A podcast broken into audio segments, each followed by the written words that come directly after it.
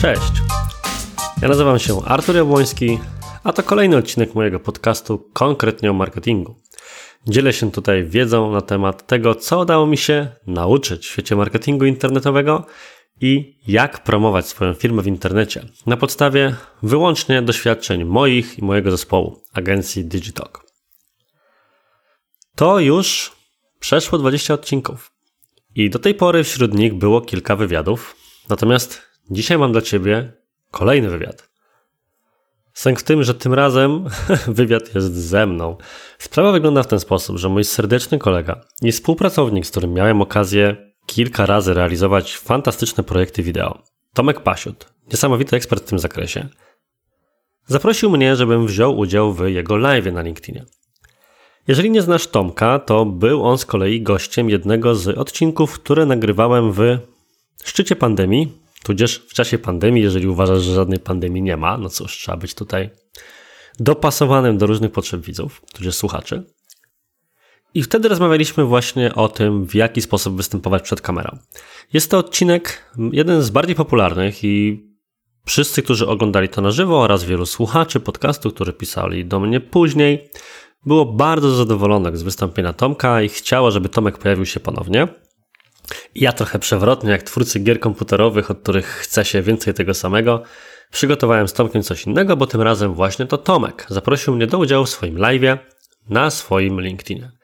A że z kolei publiczność Tomka bardzo dobrze zareagowała na moją obecność, bardzo mi z tego powodu miło i wszystkim, którzy wtedy wzięli udział, dziękuję, to postanowiliśmy udostępnić ten wywiad przeprowadzony ze mną również w formie podcastu. Jest to wywiad, w którym opowiadam trochę o sobie, to jest zawsze taka część, którą najmniej lubię, ale we wszystkich wywiadach, no człowiek jest o to pytany, kim, skąd się wziął, kim właściwie jest, żeby trochę podbudować te kompetencje na początku rozmowy.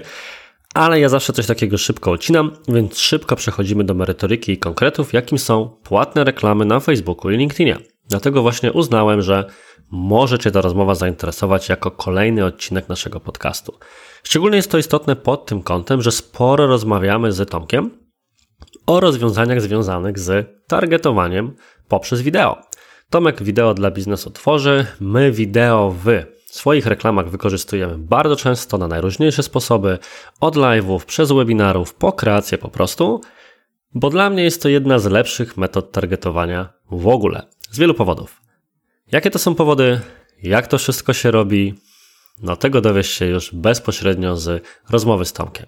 Jest dość długa, ale mam nadzieję, że dzięki temu ci słuchacze, którzy pisali do mnie, że hej Artur, wszystko fajnie, ale te pięciominutowe odcinki to jest trochę przeginka, poczują się usatysfakcjonowani, bo przed wami godzina z lekkim hakiem rozmowy z Tomaszem Pasiutem.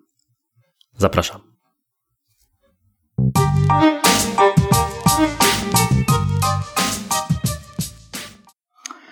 Wszystko wskazuje na to, że jesteśmy już na żywo z małymi problemami rozruchowymi, a jestem tą rozmową i tym, co się wydarzy przez najbliższą godzinę, niesamowicie podekscytowany. Intuicja mi podpowiada, że będą same konkrety i samo mięso.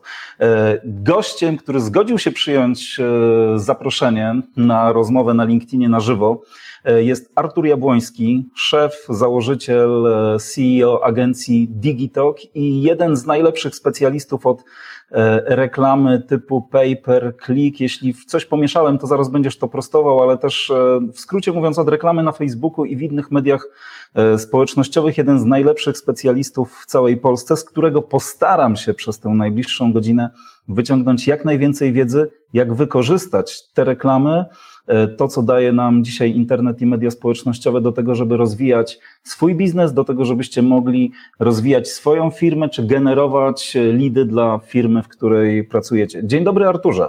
Cześć Tomku, dzień dobry wszystkim. Bardzo cieszę się, że przyjąłeś e, zaproszenie. Za chwilę, e, za chwilę powiem, e, po, poproszę Cię, żebyś powiedział coś o sobie, ale staram się też w tych live'ach rozpocząć od takiego wysokiego C i żeby w pierwszych trzech minutach dla osób, które dostały powiadomienie, włączyły się, za chwilę się wyłączą, bo być może są gdzieś w biegu, żeby też miały okazję wynieść jakąś, jakąś wartość.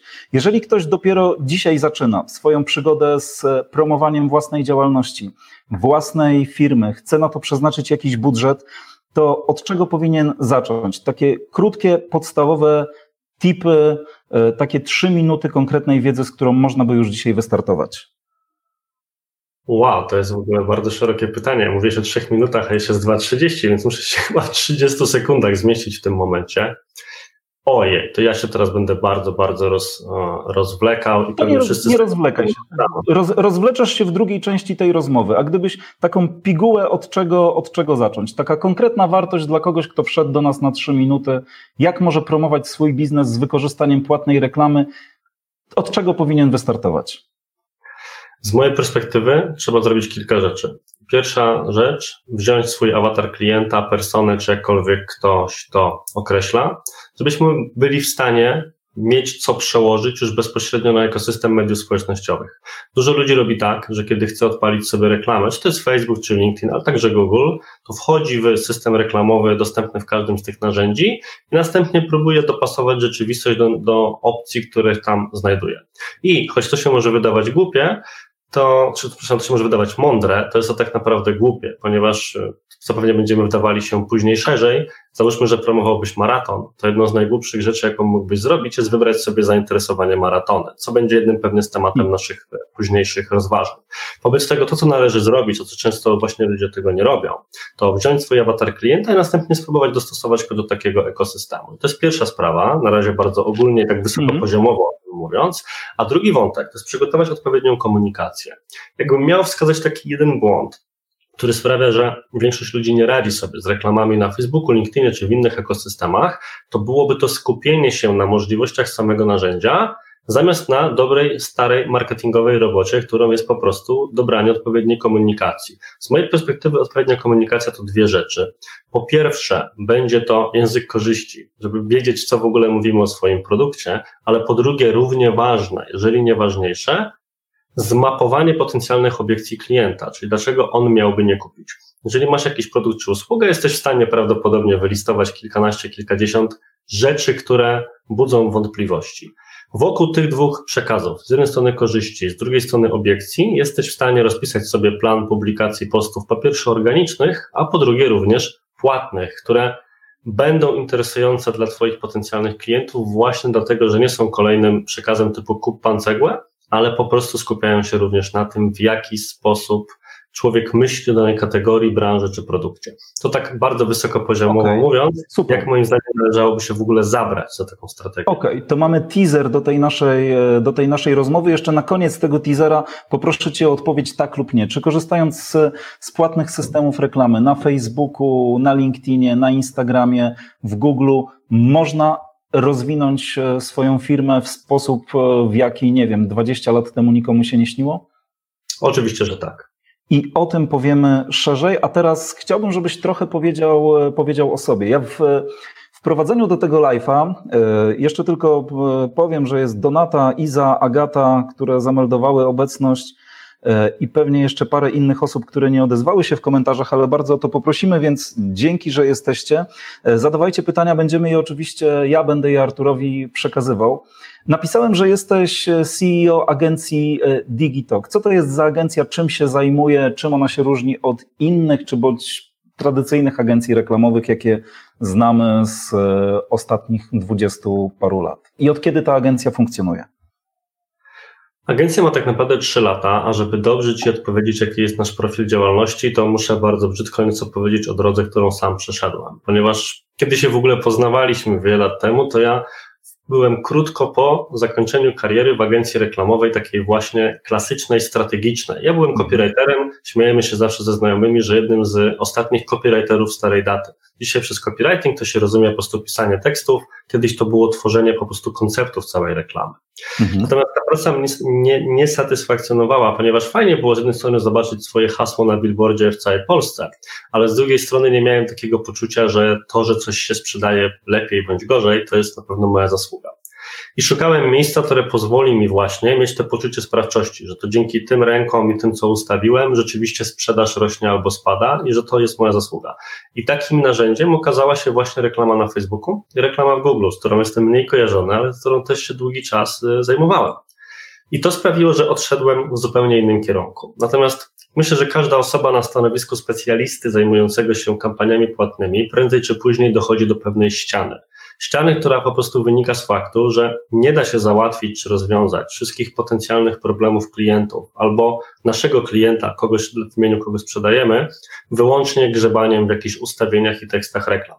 Okazuje się, że problem może tkwić w ofercie, pricingu, stronie internetowej, komunikacji, czyli tych rzeczach, od których tak pochopnie odszedłem, bo wydawały mi się tymi mniej istotnymi. I tak narodził się koncept na agencję, która będzie wyspecjalizowana w wzroście czyichś biznesów, czyli będzie pomagała sklepom internetowym, firmom B2B sprzedawać więcej, generować lidy za pomocą przede wszystkim płatnych reklam, no bo to jest dużo szybsze niż tworzenie treści, ale przy okazji będziemy również, e, na to mówię, budować lejki marketingowe, zaplanować ścieżkę klienta, czyli ja o swoich pracownikach lubię myśleć nie jako o specjalistach, ale jako o konsultantach.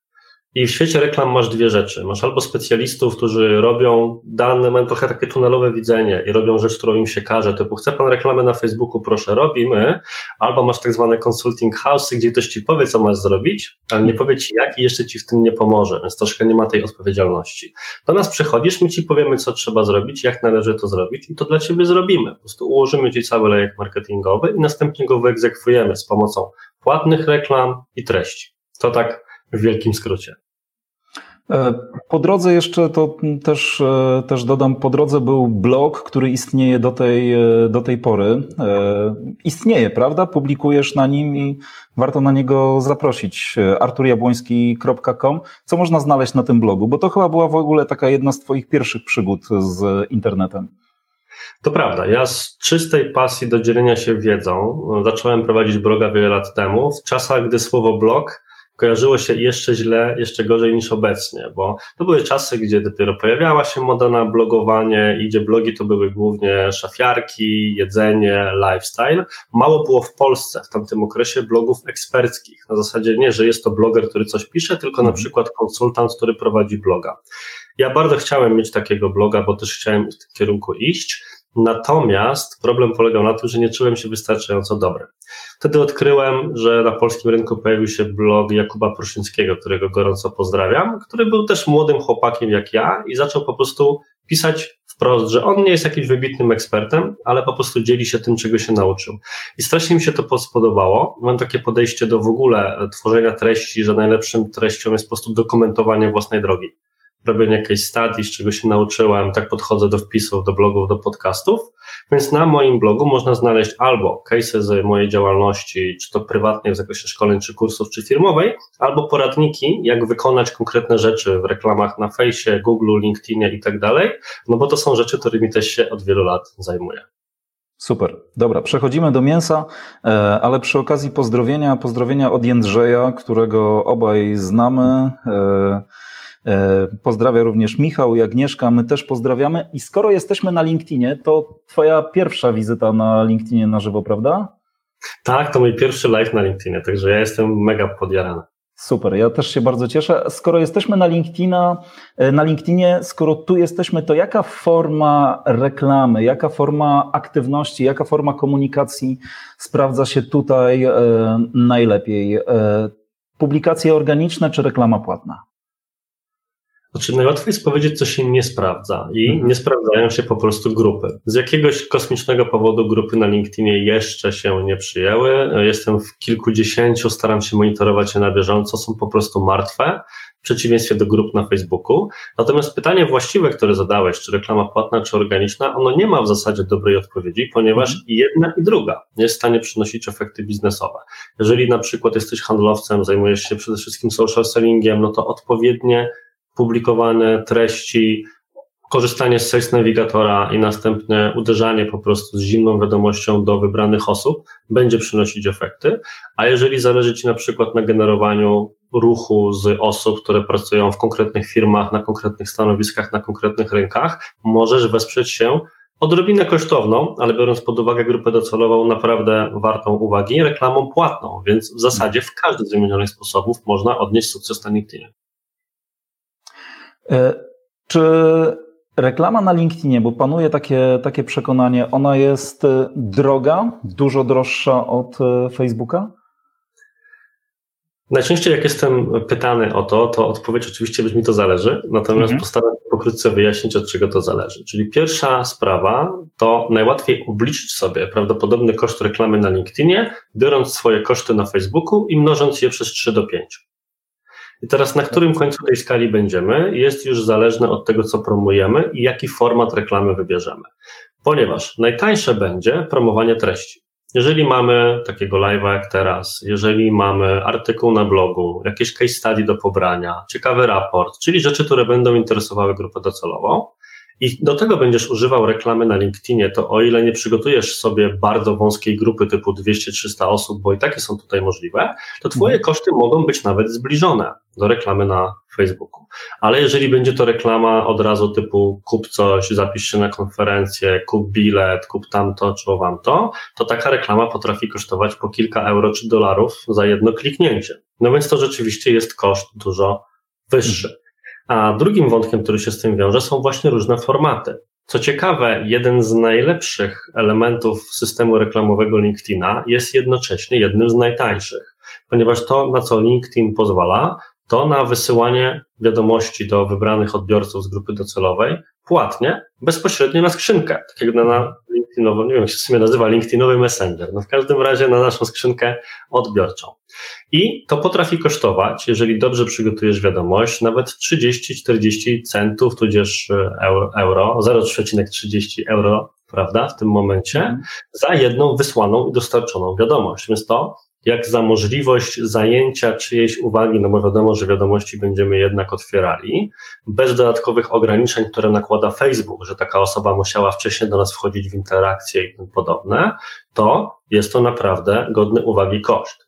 Natomiast nawet te drogie kliknięcia, one mogą nam się zwracać pod warunkiem, że dzięki temu zbudujemy sobie na przykład bazę spośród dyrektorów IT w korporacjach, do których inaczej nie bylibyśmy w stanie dotrzeć.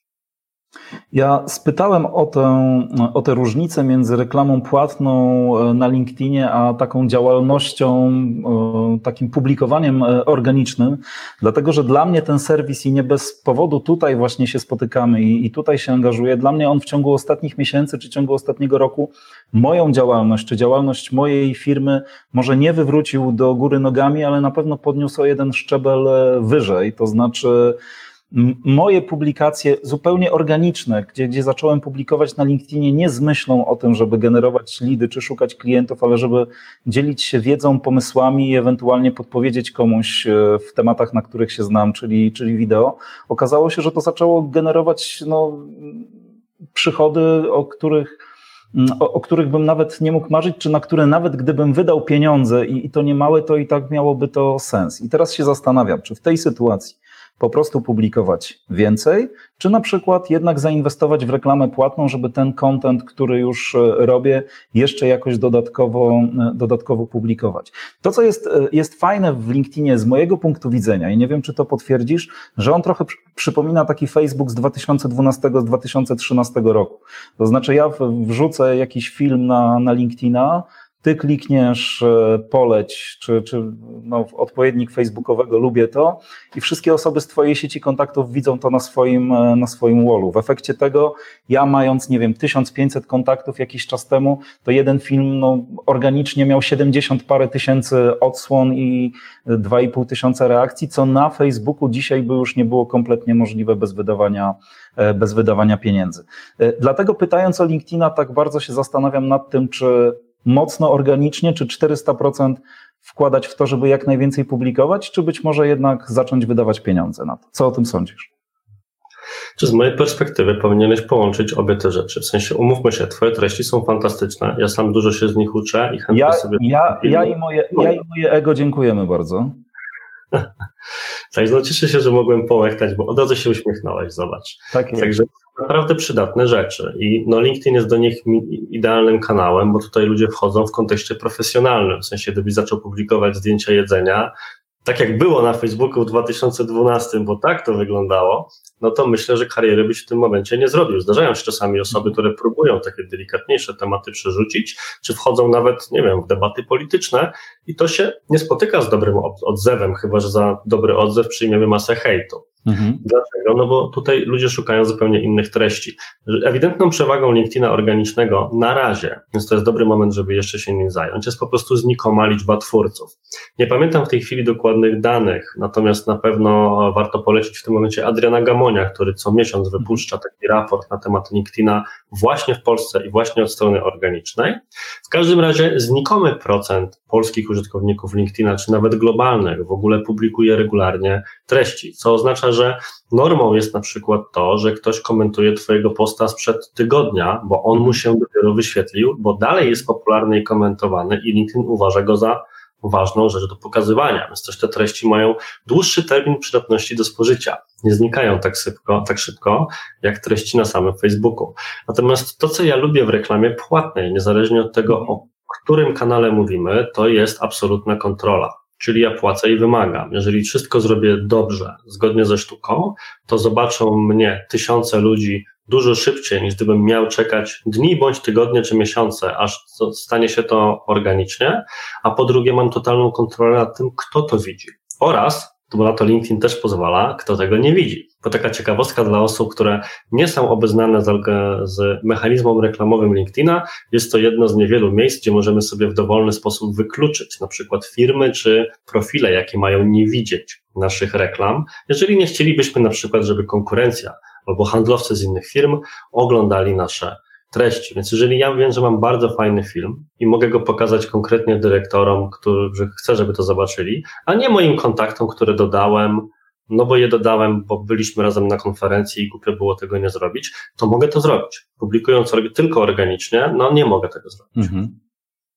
Ja mam taki pomysł i to słowa dla, dla, dla, wszystkich, którzy nas oglądają, że jeżeli macie jakieś pytania, nawet e, takie wchodzące mocno głęboko w Waszą konkretną sytuację i zniuansowane dla Was, to zadawajcie je. Będę je przekazywał potem Arturowi, bo to jest doskonała okazja do tego, żeby z tego źródła, bogatego źródła wiedzy zaczerpnąć. Artur, a Pewnie, ja pogadam o tych rowerach hiszpańskich, bo jestem akurat przed live'em rozmawialiśmy z Tomkiem, że jestem na etapie poszukiwania roweru, także Michale i Józefowski, jeżeli dobrze przeczytałem, gorąco Cię pozdrawiam. Tak, rzeczywiście przed wejściem Artur mówił, że szuka roweru i nie może się połapać w gąszczu ofert, które są do wyboru. Także Michał, e, jeżeli masz coś ciekawego do zaproponowania Arturowi, to bądźcie w kontakcie. A ja chciałem zapytać, Artur, czy kojarzysz jakieś, mógłbyś podać jakieś przykłady konkretnych, ciekawych, skutecznych kampanii, które zostały zrealizowane na LinkedInie i które mogą być jakąś formą inspiracji dla innych? Mhm. Czy ciężko jest skazać jedną kampanię całościowo, ponieważ mało jest case'ów na rynku, to dotyczy LinkedIna, Natomiast jest jedna rzecz, z której ludzie sobie nie zdają sprawy, a jest ona w ogóle i na Facebooku, i na LinkedInie, którą można prześledzić, czyli tak zwana biblioteka reklam. Mhm. Bo głównym problemem przeważnie jest pomyśleć, w jaki sposób zacząć, prawda? Jakie puszczać komunikaty, co zrobić i tak dalej. To, co spokojnie można zrobić, to wejść na jakiś company page, czyli profil firmowy na LinkedInie i tam od całkiem niedawna, bo jest to kwestia kilku miesięcy, znajduje się również zakładka reklamy. Kiedy się w nią wejdzie, to działa ona dokładnie tak samo jak tak zwana biblioteka reklam na Facebooku, czyli pozwala podejrzeć wszystkie reklamy puszczane przez dany profil. I ja bardzo często oglądam sobie Slacka, Microsofta, wszystkich największych, czy na przykład polskie firmy, banki, żeby zobaczyć, jakie treści sponsorują, co robią, ponieważ ciężko jest oceniać kampanię i powiedzieć Ci na przykład, że była dobra, bo nie wiem, podobały mi się jej wizualia albo podobały mi się jej założenia. Nie znając czyichś statystyk, to ciężko wyrokować o sukcesie, a nie wszyscy się tymi statystykami chcą chwalić. Polska pod kątem case study jest mało otwartym rynkiem. Przeważnie ludzie liczby chowają dla siebie. Natomiast to, czego ktoś mi nie powie, powie mi historia jego reklam. Ja w mhm. kontekście Facebooka i LinkedIna robię coś takiego, że robię sobie przegląd wybranych firm, które mnie interesują, co najmniej raz w tygodniu. Dlatego, że w tych zakładkach zawsze pokazywane są akurat te reklamy, które są aktualnie puszczane. Więc jeżeli ja widzę, że ktoś daną reklamę pompuje kilka miesięcy, to znaczy, że ona mu się naprawdę musi zwracać, albo sprowadzać wartościowy ruch, albo na przykład generować kontakty, albo być wybitnie tania, no bo nikt nie trzymałby czegoś, szczególnie na LinkedInie, co jest bardzo drogie. A jeżeli widzę, że ktoś startuje z jakimś formatem reklamowym i odpalił go na początku danego miesiąca i po tygodniu bądź dwóch on znika i nie wraca, to też jest to dla mnie punkt wyjścia, żeby stwierdzić, aha, dobra, czyli jeżeli zrobiło tak pięć osób z branży X, to być może ten format niekoniecznie się sprawdza. I trzeci problem jest właśnie taki, że najlepsze kampanie LinkedInowe są to kampanie robione za pomocą e-maila, czyli właśnie te generujące wiadomości do konkretnych osób, które na przykład mają pobrać e-booka, zaproszenie na konferencję, czy przeczytać jakąś treść. Są to dość szablonowe rzeczy, więc ciężko tu mówić o wybitnej kampanii. Natomiast jest to na pewno model, który warto przyjąć.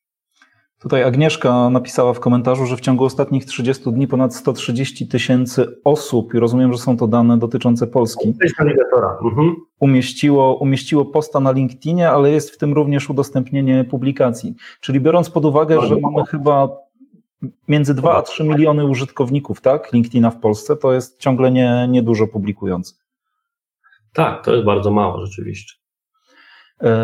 E, okej, okay. E, dodam również, bo Artur pewnie o tym przez wrodzoną skromność nie wspomni, że Artur jest autorem kursu dotyczącego reklamy na LinkedInie, więc gdyby ktoś chciał bardzo głęboko wejść w temat, to gdzie może to znaleźć, Arturze? Na mojej stronie arturjabłoński.com w zakładce kursy online jest właśnie odnośnik do kursu z reklam na LinkedInie. My jako agencja realizujemy kampanie LinkedInowe. Głównie są to kampanie zagraniczne na rynki albo azjatyckie, albo Stany. Na Polskę mniej, bo dla większości reklamodawców jest to po prostu za drogie miejsce. Mówię absolutnie uczciwie. Poza działaniami czysto handlowymi, czyli właśnie e-mailami w konkretne miejsca, gdzie ma za zadanie generować po prostu lidy. Ja do tych firm, e, które warto podglądać na LinkedInie, ale nie w kontekście płatnej reklamy, tylko w ogóle kontentu, który publikuję, bo ja sobie szukam firm, które no, ze względu na to, co robię, które fajny kontent wideo e, umieszczają na LinkedInie, to bardzo lubię obserwować profil Lego. E, czyli firmy, której produkty trafiają do dzieci, natomiast ich e, profil na LinkedInie jest jak najbardziej profesjonalny i tam jest dużo, często są klipy pokazujące jakieś kulisy, pokazujące historię Lego i to rzeczywiście jest e, bardzo fajna treść dopasowana kontekstem do tego miejsca. Jędrzej pyta, czy liczy się liczba kontaktów na LinkedInie, czy jakość tej sieci?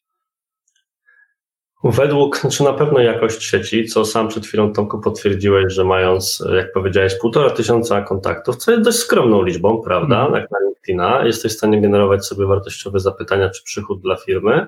Natomiast problem e, z liczbą nie jest nawet tym, że mamy nie mieć jakiejś konkretnej liczby, tylko bardziej kwestią algorytmów LinkedIna, które po prostu patrzą, kogo masz w sieci i na tej podstawie oceniają też po części ciebie.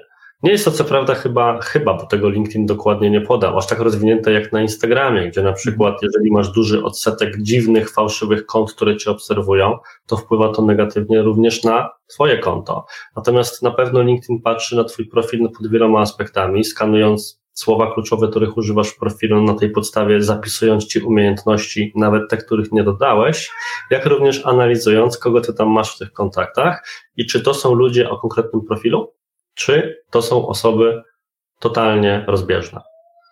I z mojego, punktu, z mojego punktu widzenia, jeśli tutaj swoje trzy grosze mogę wtrącić, to ja z kolei stawiałbym e, na ilość, a nie na jakość, z tego względu, że ta jakość e, po pierwsze jest e, subiektywna, po drugie nam się może wydawać, że my jesteśmy w stanie tę jakość skontrolować i nad nią, nad nią zapanować, ale często to nie musi być taki przypadek. Poza tym Życie, no, znaczy algorytmy, liczby to jedno, a życie ma wiele barw i rządzi się swoimi prawami i może być tak, że jakaś osoba, która cię obserwuje na LinkedInie, e, teoretycznie nie jest twoją wymarzoną grupą docelową i twoim targetem, ale obserwuje twój content, zapada jej w głowie i gdzieś komuś przy okazji e, opowie, przy okazji jakiegoś zapytania, więc różne furtki mogą się otworzyć, nawet kiedy to nie jest, e, nie jest jakiś nasz wymarzony kontakt.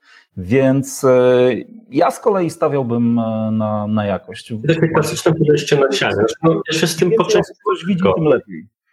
Mogę się z tym po części zgodzić, bo nieraz miałem sytuację, gdzie występując na przykład na konferencji związanej z Twitterem, okazało się, że totalnym przypadkiem był tam ktoś z firmy zajmującej się czymś zupełnie innym, z którą pracujemy do dzisiaj, bo też przyszedł sobie ciekawostkowo, poznaliśmy się i pracujemy dalej, więc taka kwestia pójścia na zasięg czy skalę, no oczywiście, zawsze jest wyższe prawdopodobieństwo tej konwersji. Trochę też patrzę z perspektywy no raz tego algorytmu, a właśnie w związku z tym własnego feedu, że ja na przykład mam duży problem, ponieważ w tej chwili mam chyba z kilkanaście tysięcy kontaktów na LinkedInie, pamiętam nawet dokładnie, i jak otwieram sobie LinkedIna, no nie jestem w stanie przebić się przez te treści. W sensie mogę publikować coś od siebie, ale musiałbym bardzo, bardzo dużo czasu poświęcić, żeby wyczyścić i zostawić tylko to, przepraszam, co realnie chciałbym oglądać, a no nie mam na to czasu. Tak, no zdecydowanie. Dla odbiorcy taka duża liczba kontaktów, dla kogoś, kto chciałby prześledzić, co dzieje się w tej sieci, może być trudna, ale z kolei dla nadawcy, w mojej ocenie, im więcej oczu patrzy, tym, e, tym lepiej. E, a Facebook, spróbujmy przejść do niego płynnie e, z LinkedIna na, na Facebooka. Czy dzisiaj, zaczynając, zaczynając swoją działalność marketingową, na przykład próbując rozkręcić firmę, albo prowadząc firmę, dajmy na to firmę B2B, taką agencję jak Twoja, która zatrudnia 20-30 osób i, i szuka, szuka kolejnych kolejnych lidów, bądź próbuje się rozwinąć. E, czy lepiej zacząć od Facebooka, czy lepiej zacząć od LinkedIna? Dzisiaj, Twoim zdaniem? Czy rzeczą, którą właśnie też powiedziałeś, i myślę, że to będzie taki zgrabny segway, że nigdy nie wiadomo, kto nas obserwuje i kim on jest, to jest coś, co na LinkedInie jest bardzo mocne, ponieważ dużo osób ma profile, ale na przykład są one dziwnie ponazywane, albo dane są poutajone, Facebook nie jest takim miejscem, gdzie aż tak mocno poza wybranymi branżami chwalisz się swoimi miejscami pracy, a też im osoba starsza, w sensie 40 lat plus i tym podobne, tym mniej aktywna. My na przykład mamy dużą liczbę klientów, którzy przyszli do nas z Facebooka, bo widzieli jakieś treści moje, bądź publikowane przez mój zespół na fanpage'u Digitalk, natomiast oni nigdy ich nie skomentowali, nigdy nie zostawili tam lajka, oni je po prostu z jakiegoś powodu widzieli, między innymi mhm. dzięki reklamom. Więc ci odbiorcy tam są.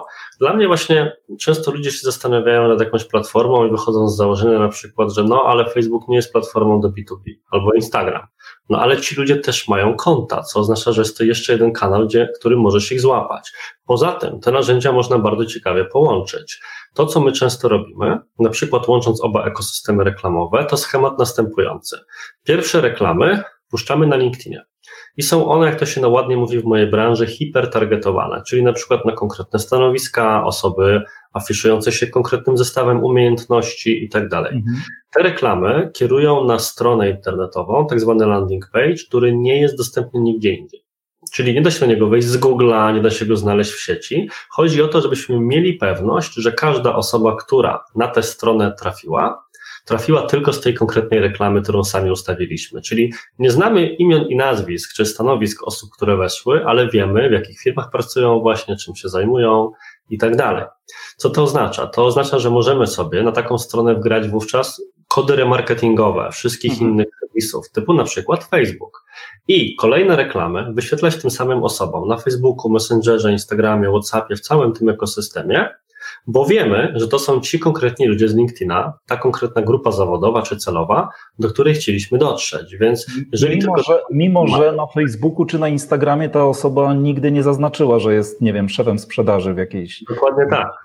Ale to jest, to jest magia remarketingu i tego, że te wszystkie serwisy mają na swoich stronach powgrywane kody remarketingowe, przez co Facebook ma do nich dostęp i może zbierać, kim ci ludzie są i czego ewentualnie mogą nam wówczas E, udzielić osobie, że będziemy wiedzieli, że aha, to jest ta osoba, która była na LinkedInie wcześniej.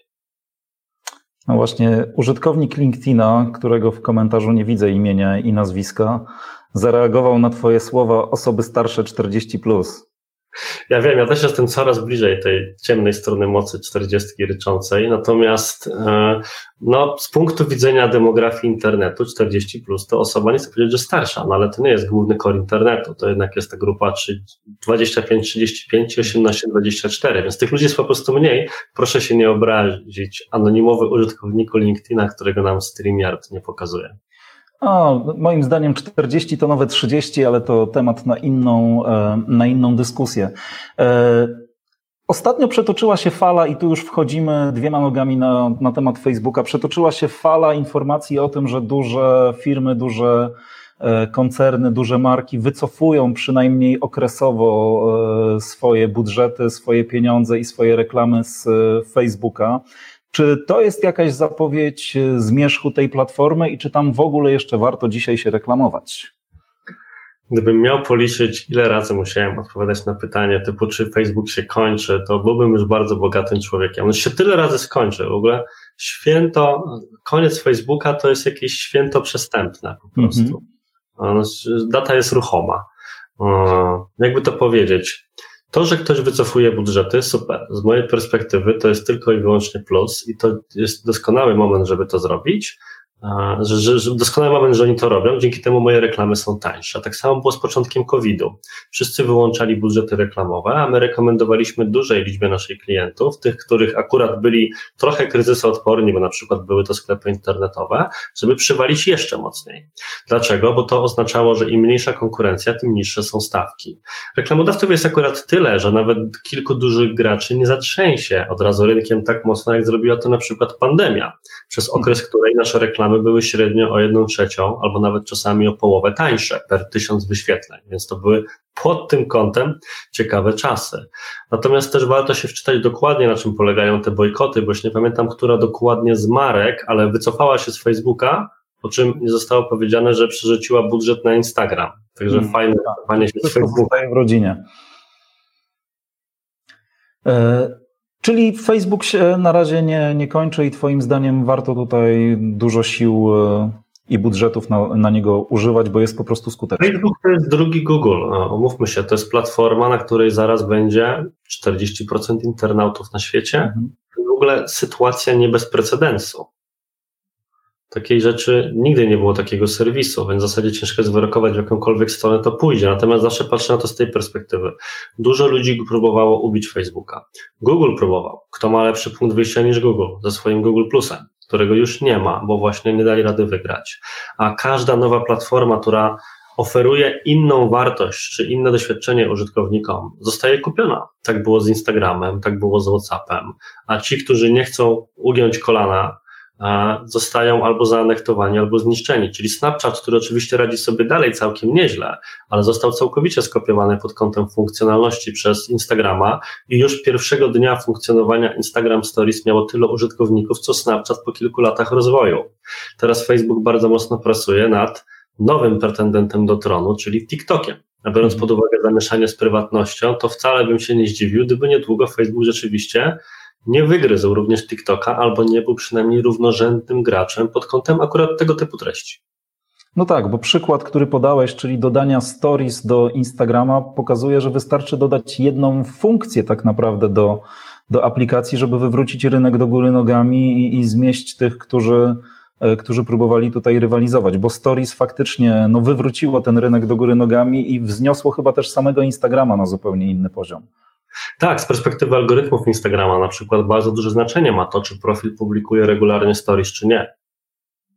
Okej, okay, to ja teraz, skoro już tutaj zahaczyliśmy o stories, zahaczyliśmy e, o Snapchata, ale też o TikToka, który jest e, chyba pierwszym, e, pierwszą taką aplikacją zbudowaną w 100% na wideo, to ja chciałem zapytać o wideo, bo to jest no, mój temat, moja, moja działka. I w, w mojej ocenie z punktu widzenia komunikacji, komunikowania się z innymi, komunikowania się z, z klientami, wyborcami, wyznawcami, kimkolwiek, to jest absolutnie, absolutnie siła i e, tekst, zdjęcie, obrazek e, nie zastąpią wideo.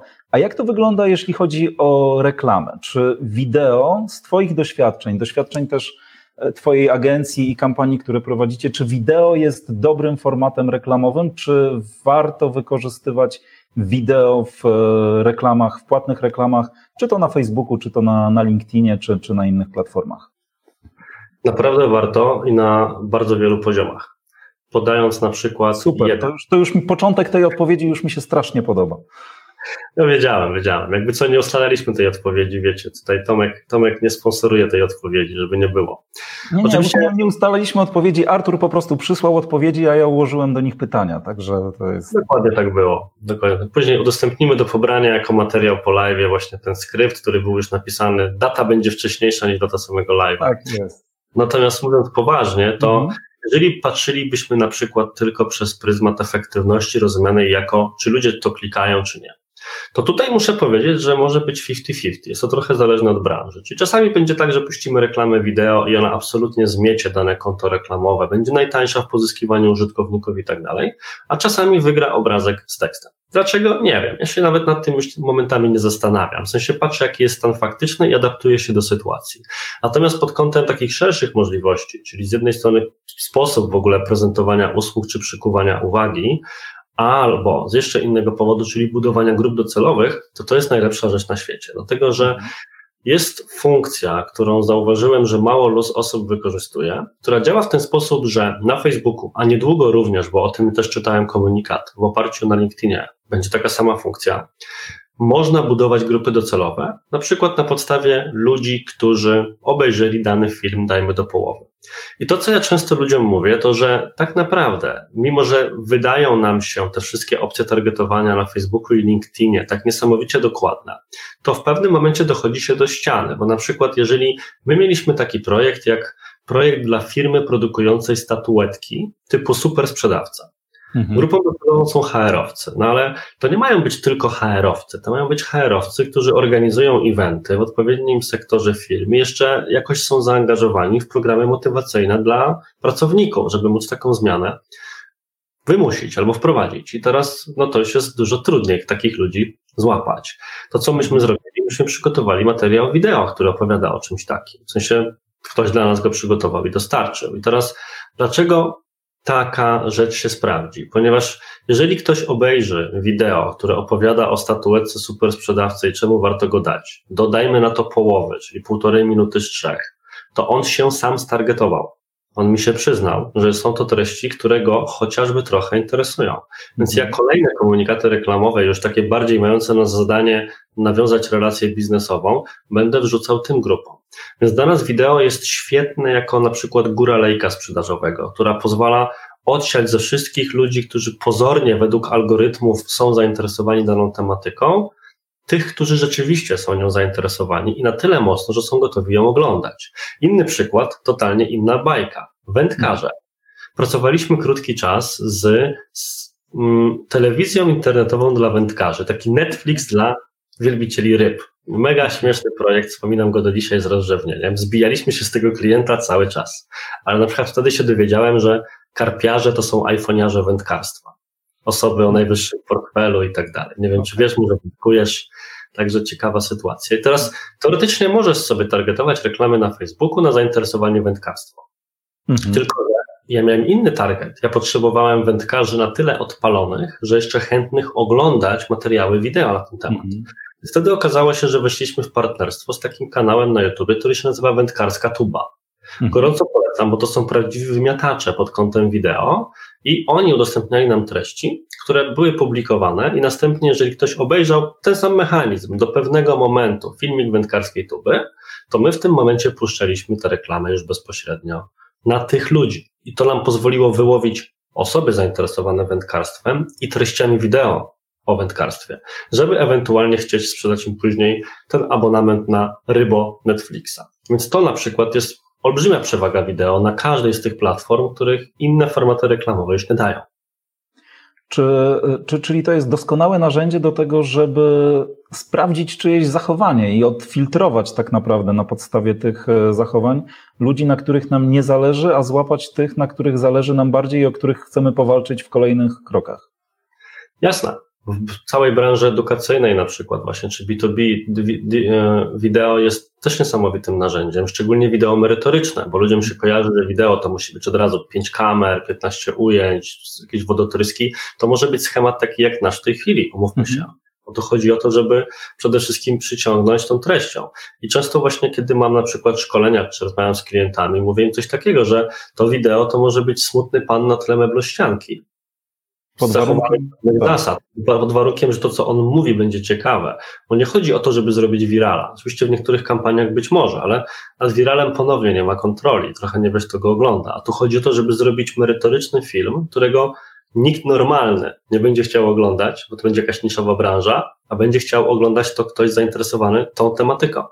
jeżeli będziesz miał film, no dajmy na to, bo taki też mieliśmy okazję realizować, o montażu paneli fotowoltaicznych, to na przykład jak my puszczamy taką reklamę i spytałbyś się, jak ona jest targetowana, w sensie jakie tam są ustawienia i tak dalej, to mogę z góry wszystkim oglądającym zdradzić, że tam nie ma żadnych ustawień.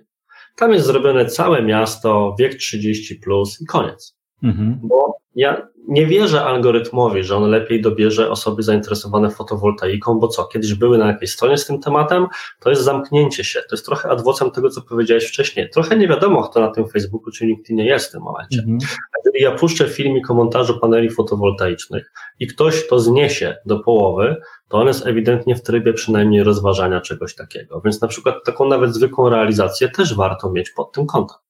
Super, super, to świetna, świetna wskazówka. Ja zresztą też na początku, jak zaczynałem publikować e, materiały na LinkedInie, to też kombinowałem, tak e, próbowałem trochę może komplikować za bardzo. To znaczy właśnie zastanawiałem się w głowie, o czym to powinno być, jak to zrobić, potem nie wiem, pół dnia to nagrywałem i odzew był, e, był taki sobie. I w którymś momencie sprowokowany przez, przez koleżankę właśnie tym, że mówię, żeby nagrywać wideo, ale nagranie jednego zajmuje mi tam dwie godziny plus montaż i że mało kto może sobie na to pozwolić. Zrobiłem taki mały eksperyment, postawiłem, właściwie przyczepiłem na oknie telefon i nagrałem w ciągu 20 minut cztery filmy, które były po prostu gadaniem do kamery, ale gadaniem takim E, merytorycznym. Praktycznie żadnego montażu poza dodaniem nagłówka i transkrypcji nie było, więc w bardzo krótkim czasie zrobiłem cztery filmy i one eksplodowały, jeżeli chodzi o liczbę wyświetleń, reakcji, ale też potem zainteresowania, dyskusji, no i ostatecznie też, e, też, też jakichś lidów, które, e, które wywołały. Więc absolutnie potwierdzam to, że najważniejszy jest przekaz i treść, a nie to, żeby to była realizacja taka quasi hollywoodzka. Jest pytanie z, e, od, od Andrzeja. Czy według Twojej wiedzy uśpione konta, czyli założone w celu wykorzystania za miesiąc czy rok, na przykład w celu zarezerwowania sobie nazwy, mają ograniczane zasięgi i potem trudno cokolwiek z nich wycisnąć i zbudować dobre zasięgi? Jest to bardzo ciekawe pytanie, na które ja odpowiem w trochę złośliwy sposób. W sensie, ja często dostaję pytania na temat działania algorytmów, które ja parafrazuję, zadając inne pytanie. Czy większe zasięgi będą, jak będę publikował lewą czy prawą ręką? I to też jest pytanie, które można byłoby teoretycznie rozsądnie zadać. Natomiast, jakby to powiedzieć, elementów, które wpływają na algorytm Facebooka, Instagrama jest około 3000. Jest to liczba podana przez samych pracowników Facebooka. Kiedy rozmawia się w ogóle z pracownikami w Facebooku, co miałem przyjemność robić, z różnych działów, to okazuje się, że mają odmienne zdanie na temat tego, co wpływa na algorytm. Na przykład pora publikacji przez część osób jest wskazywana jako rzeczywiście mająca znaczenie, a przez innych nie, więc trochę też oni sami przerzucają się opiniami. A ten wątek, który poruszyłeś, Andrzeju, wydaje mi się już na tak niskim, na tak wysokim poziomie szczegółowości, że on jest średnio istotny. W sensie są te ważniejsze rzeczy, czyli jaki, jaki jest format, czy często publikujemy, kiedy już zaczniemy publikować? Nie wydaje mi się, żeby była jakakolwiek penalizacja, tudzież kara za to, że konto jest nieaktywne i później dopiero wraca do aktywności. Pytanie, które warto byłoby sobie zadać jest inne. Czy da się w dzisiejszym, dzisiejszej rzeczywistości rozwinąć profil wyłącznie organicznie? Moim zdaniem nie. Natomiast jeżeli zaczniemy sobie działać na Facebooku po roku po założeniu konta, i zaczniemy wkładać choćby małe kwoty, mówiąc małe mam na myśli nawet 10, 20, 50 zł, tak, w poszczególne posty, które wydają nam się, że będą wartościowe dla odbiorców, to potem już pójdzie. Będzie po prostu efekt kuli śniegowej. Dobra, to wracam, wracam teraz do swoich pytań i idziemy cały czas w temat reklamy na Facebooku i też reklam wideo. E, czy Twoim zdaniem bo, bo, mówiąc reklama, myślę, że mamy też e, dosyć zawężony taki zakres skojarzeń i zakres pojęciowy, no bo jednak przez lata reklama kojarzyła nam się z reklamą telewizyjną, czyli 30, 30 sekund, e, silni mężczyźni stukający się butelkami od piwa, zadowolona pani, która ma nowy proszek i w końcu jest wyprane, a nie to, co przez 30 lat się działo i tak dalej, i tak dalej wyjmuje nowe i wypracowane. Oczywiście.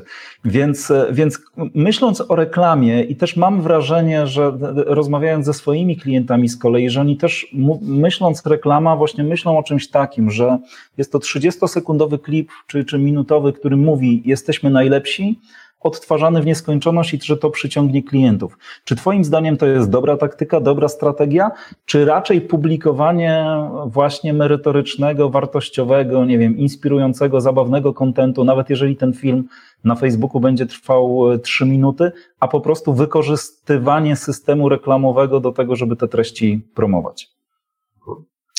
To powiem tak, że ja często, jak jestem pytany o reklamę, to mówię, że istnieją dwa rodzaje reklam i każda z nich różni się przekazem. Jeden rodzaj reklamy to jest reklama o przekazie istnieje X, mhm. a drugi rodzaj reklamy to jest reklama o przekazie X jest jakieś. Teraz to się wydaje, że to jest prawie, że to samo, to nie jest to samo. Czyli ja mogę puszczać reklamę typowo zasięgową, Auchan, mleko złoty 20.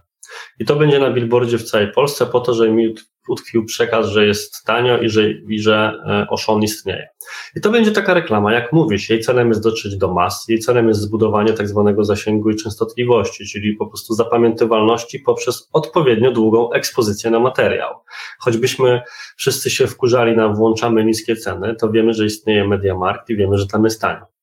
A drugi rodzaj reklamy to jest reklama typu X jest jakieś, czyli ja muszę zobaczyć, jaka ta marka jest, co ona wnosi, jakie są korzyści, czy on może mi się z niej podobać. To już jest reklama do osób zainteresowanych i świadomych tego, co oglądają. Lub takich, których wybierzemy, bo wiemy, że mogą być czymś takim zainteresowani, bo im nie trzeba już tłumaczyć kategorii produktowej, branży i specyfiki, tylko zakładamy, że oni będą tym zainteresowani. To już jest właśnie na przykład grupa idealna pod content edukacyjny, angażujący, czyli te rzeczy, które ty wymieniłeś. Więc jestem sobie w stanie wyobrazić sytuację i takie, i takie rzeczy się w ogóle dzieją. Myśmy robili kampanię na przykład dla filmów kinowych na Facebooku. Mhm. Wprowadziliśmy kampanię na przykład dla filmu Alita Battle Angel, która była po prostu taką samą reklamą jak chodzącą w telewizji, tylko trochę przykrojoną do formatów mediów społecznościowych i puszczaną zasięgowo na całą Polskę z celem jak największa liczba razy, jak największej liczbie ludzi. I to mhm. jest ok. W sensie po prostu chodzi o to, że istnieje film Alita Battle Angel, ale jeżeli później mielibyśmy robić reklamy do osób zainteresowanych w ogóle fantastyką, mangą, komiksami i tak dalej, żeby chcieć im tę Alitę wcisnąć, zachęcić do pójścia, kupienia biletu od razu, na przykład bezpośrednio z tej reklamy, to musielibyśmy się bawić w inne rzeczy. Sięgnęlibyśmy na przykład po materiały z planu, jakąś szerszą zapowiedź, artykuł kontekstualizujący, kim jest ta Alita, skąd to się wzięło, czy to jest adaptacja komiksu, czy z tego co pamiętam i tak dalej. Więc jest przestrzeń na obie te rzeczy, ale w mediach społecznościowych, szczególnie dla MŚP, bo załóżmy, że no to jest trochę tutaj target naszego live'a, szedłbym mhm. właśnie w ten drugi rodzaj, ten edukacyjno-angażujący. Super. A czy jesteś w stanie podać jakieś konkretne przykłady? Trzymajmy się na razie tego, tego tematu, tematu wideo. Czy jesteś w stanie podać jakieś przykłady reklam wideo działających w mediach e, społecznościowych, czy to na Facebooku, czy na LinkedInie, już nie, nie ograniczajmy do jednej platformy, które zapadły Ci w pamięć jako skuteczne, wyjątkowe, takie, które po tym live ktoś będzie mógł sobie odpalić i zobaczyć jako przykład czegoś, e, czegoś fajnego. Ja jestem fanem takiego bardzo prostego podejścia do reklamowego, właśnie kontentu edukacyjnego. Jednym z ciekawszych kanałów właśnie, to jest kanał na YouTubie, który bazuje na treściach wideo typu jak robić coś. I mhm. jakkolwiek banalne by się to wydawało, to jest to jedna z lepszych opcji na tworzenie treści. Jest to kanał przyjazny ukulele. O mhm. tyle ciekawy, że stworzony przez po prostu kogoś, kto prowadzi sklep z, jak łatwo się domyśleć, ukulele i mhm. nagrywał to swego czasu bardzo chałupniczą metodą. Teraz troszkę mu wzrosła jakość produkcyjna, ale dalej to są filmiki typu jak zagrać utwór XYZ. Nastawione na to, żeby ktoś szukając treści konkretnego rodzaju, targetując się przy tym od razu, trafił akurat na ten kanał. A innym bardzo ciekawym przykładem właśnie trochę reklam, trochę kontentu wideo, bo dla mnie te pojęcia się bardzo mocno mieszają, jest wedle podobnego schematu czajnikowy.pl którego też polecam prześledzić, jak zaczynał te chyba 9 lat temu, kręcąc w ciemnym pomieszczeniu na zapleczu sklepu, taki po prostu sympatyczny pan gadający do kamery, a dzisiaj to tam są dynamiczne ujęcia parującej herbaty i tak dalej. Czajnikowe, czajnikowe.pl, tak? Czajnikowy.pl. Bardzo ciekawa sprawa do przejrzenia. E, z Y na końcu.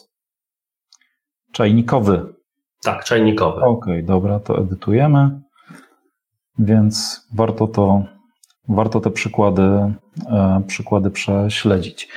E, a Skoro o wideo mowa, to nie sposób, e, podam jeszcze raz ten adres czajnikowy.pl, teraz mam nadzieję jest, e, jest ok. Skoro o wideo mowa, e, to nie sposób nie wspomnieć o YouTubie, no bo to jest królestwo wideo, to jest to, co wielu osobom z wideo właśnie się kojarzy. Co sądzisz o YouTubie jako miejscu do, do reklamowania? Warto nie warto? Jeśli warto, to w jaki, w jaki sposób? Czy te pre-role pięciosekundowe poprzedzające filmy, czy może jakiś inny pomysł na to, jak wykorzystać YouTube'a do tego, żeby własną firmę rozwinąć? Mhm. Znaczy, właśnie myślę, że to się bardzo fajnie łączy z tymi przykładami czajnikowego i przyjaznego ukulele, dlatego że do kanału na YouTubie bardzo często ludzie podchodzą w taki sposób, jakby to było repozytorium materiałów wideo dla firmy na przyszłość. Mhm. Czyli tam lądują wszystkie spoty, rzeczy, które mają być puszczane na konferencjach, podsumowania eventów, które interesują 10 osób na krzyż. Natomiast należy do tego podejść w taki sam sposób, jak podchodzi się do budowy blogu firmowego. Czyli, że ma tam być kontent edukacyjny odpowiadający bezpośrednio na pytania czytelników, ewentualnie podany w interesujący sposób. To jest właśnie to, co zrobił czajnikowy i co zrobił na przykład e, przyjazne ukulele.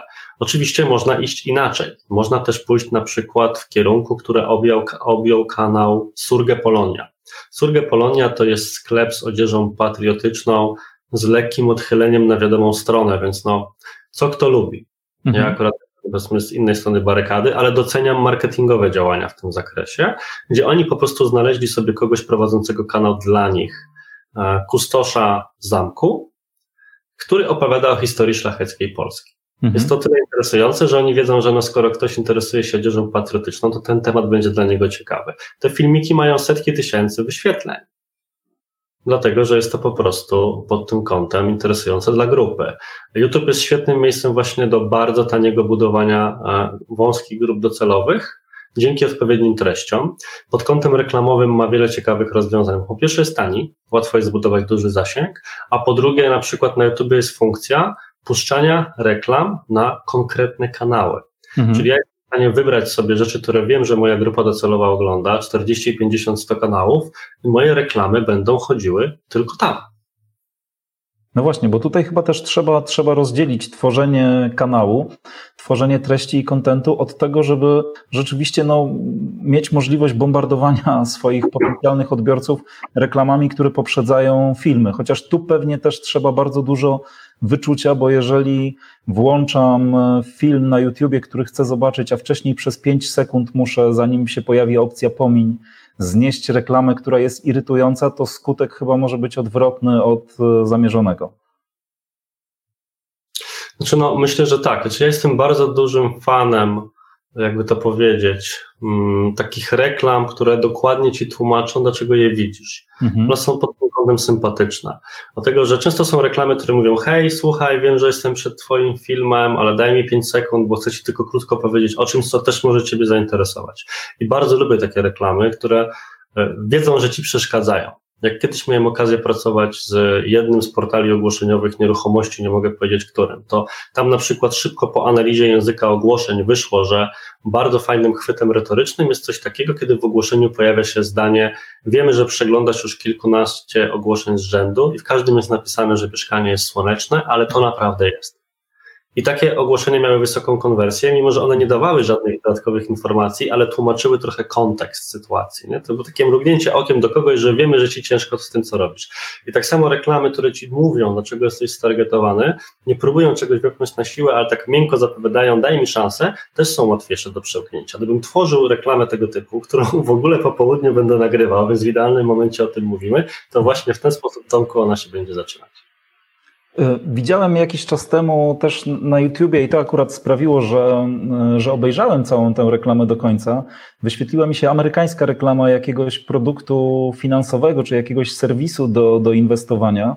I tam był któryś z amerykańskich aktorów, no nazwiska niestety nie pamiętam, który składał pranie w domu i to się zaczynało od tego, że on składając to pranie mówi tak, jasne, pomiń tę reklamę, pomiń, kliknij, zapomnij, tak jak zapomniałeś o, i tu wymienił kilka okazji, które w historii były do inwestowania. No i potem zaczynała się cała ta, ta historia, bo kiedy ktoś ci w ten sposób mówi, że masz pominąć, no to oczywiście oglądasz, e, oglądasz dalej.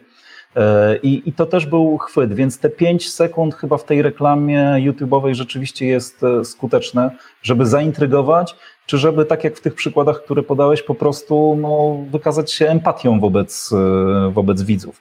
Bo te przykłady tego, że wiemy, że coś tam, no to jest po prostu wczucie się w kontekst tego widza, który już na ogląd, który chce obejrzeć film albo który już przejrzał dziesiątki, dziesiątki ogłoszeń.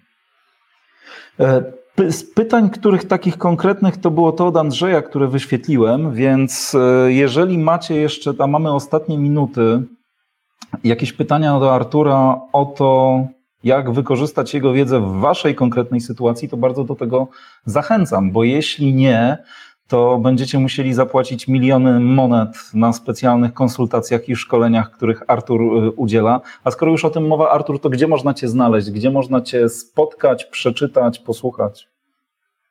Czyli mogę polecić dwa miejsca na sam początek. Jednym jest właśnie mój blog arturiabłęski.com. Tam znajdą się linki do wszystkich innych dziwnych miejsc, miejsc, w których jeszcze jestem, ale gorąco polecam również podcast, nazywa się konkretnie o marketingu i taki właśnie jest. Mam nadzieję, że ta nazwa spina się z tym, co wszyscy tutaj oglądający słyszeli podczas tej wypowiedzi i jest dostępny na YouTubie, w każdej możliwej aplikacji podcastowej, więc również tam zachęcam.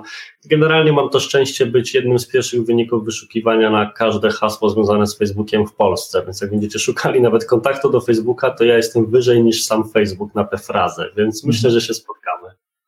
Artur, to na koniec, na koniec takie trochę przewrotne pytanie, ale myślę, że ono też może dać bardzo dużo konkretów i bardzo dużo mięsa wielu osobom oglądającym, słuchającym e, i zaczynającym e, swoją przygodę z marketingiem bądź próbującym rozwinąć swoją firmę.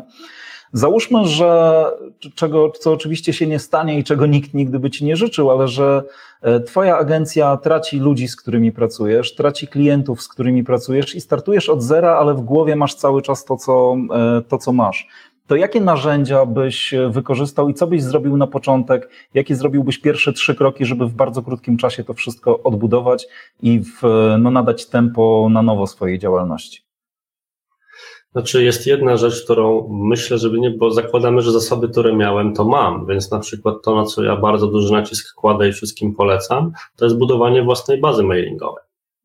Dlatego, że to jest taki kanał, który jest odporny na zawirowania inne niż ewentualnie dostarczenie do skrzynki czy wpadnięcie do spamu. I czy Facebook zmieni algorytm, czy Google zmieni algorytm, nie wyrzuci, ja zawsze będę w stanie napisać maila do osób, które już były, są moimi klientami, były albo mogą nimi być. Dlatego regularnie, choćby skały pękały, staram się tydzień w tydzień wysyłać newsletter, cały czas szukać metod, żeby tę bazę powiększać. Własna lista mailingowa jest jedną z najważniejszych broni przedsiębiorcy, zarówno w B2B, gdzie to są jakby nie było kontakty handlowe, jak i też w e-commerce, gdzie często złotówka wydana na e-mail marketing przynosi więcej przychodu niż na Facebooka i Google razem wzięta. Mhm. A jak, jak często wysyłasz te, te maile? Staram się raz w tygodniu. Teraz myślę nawet, czy nie wejść na wyższą częstotliwość typu dwa razy w tygodniu. Rozumiem. To jeszcze krótko, co w tych mailach w takim razie, w takim razie pisać? W takich regu- no mówię już o takiej regularnej komunikacji, nie wtedy, kiedy startujesz od zera. Jeden z moich idoli marketingowych, Russell Branson, opisał coś takiego, co nazywa e, Seinfeld Emails. To jest, jakby to powiedzieć, sposób pisania maili oparty na stylistyce talk show, czyli generalnie dzielić się jakąś swoją jedną historią, z której później przekierowujesz na przykład na swój konkretny produkt. Czyli załóżmy, że tworzyłbyś maila zapowiadającego naszego live'a i podzieliłbyś się jakąś historią, na przykład o tym, jak się poznaliśmy i albo ty pomogłeś mi w czymś w wideo, dzięki czemu coś się udało, albo w drugą stronę i przy okazji zaprasza się z call to action na konkretnego live'a. Jeżeli ja na przykład teraz będę szykował kolejny swój kurs online, który będzie o copywritingu, to wyciągnąłem już sobie z własnego doświadczenia kilka historii, które mogą być interesujące, bo zawsze mają jakąś puentę, gdzie zmiana kopii czy zmiana tekstu pomogła zwiększyć wyniki biznesowe klientów i za każdym razem taki mail, oprócz tego, że będzie dawał wartość, będzie kończył się zapowiedzią mojego nowo powstającego kursu. Super. Czyli rozumiem, że gdybyś został z niczym, albo gdybyś za miliardy dolarów sprzedał swoją agencję jakiejś grupie kapitałowej i chciał ruszyć ze wszystkim od zera, to pierwsza rzecz, którą byś zrobił, to wysłałbyś mail do, do, do swojej bazy tłumacząc w jakiej sytuacji się znalazłeś, co teraz planujesz zrobić i jak można się do ciebie odezwać. Tak? To byłby ten pierwszy krok. Maila na zrzutka.pl bym odpalił. Czyli krótko mówiąc, pierwszy krok to kontakt mailowy ze swoją, ze swoją bazą, dlatego warto zawsze, zawsze dbać. Super, bardzo Ci dziękuję za rozmowę. Mam wrażenie, że parę osób, które wysłuchały tej rozmowy teraz albo wysłuchają jej e, w przyszłości, e, w miejscach, w których ją opublikujemy, że będzie miało szansę rozwinąć e, swój biznes i zdobyć całkiem sporo klientów. Jeżeli tak się stało, jeżeli tak się stanie, jeżeli słuchacie, czy wysłuchaliście tej rozmowy za pół roku, czy, czy za rok, to tak czy siak dajcie znać mi, napiszcie na LinkedInie, bądź dajcie znać Arturowi, widzicie adres jego strony i tam są też wszelkie dane kontaktowe do Artura. E, Artur, bardzo Ci dziękuję za to, że poświęciłeś czas i że podzieliłeś się wiedzą. Było mi bardzo, bardzo miło, że wpadłeś z rewizytą, bo niedawno, za co Ci jeszcze raz dziękuję, miałem okazję być, e, być u Ciebie. I to a propos też tych podcastów, to też, e, też powiem, że co jakiś czas, i to jest no, no może nie dziesiątki, ale ze dwa, trzy razy w tygodniu dostaję zaproszenie na LinkedInie, które zaczyna się od słów cześć, właśnie wysłuchałem Twojej rozmowy w podcaście Artura Jabłońskiego. I naprawdę? Naprawdę, tak informacja dla mnie, Więc czyli ktoś tego słucha. Zdecydowanie, zdecydowanie słuchają i właśnie po tej rozmowie też przychodzą takie, takie zaproszenia. Więc jeżeli tej rozmowy naszej wysłuchaliście z opóźnieniem, a nie w lipcu 2020 roku, to też dajcie znać i Arturowi i mi. Artur, jeszcze raz bardzo Ci dziękuję za, za obecność i Wam wszystkim też dziękujemy za to, że byliście z nami. To ja dziękuję za zaproszenie. Do zobaczenia wszystkim. Dzięki. Do zobaczenia.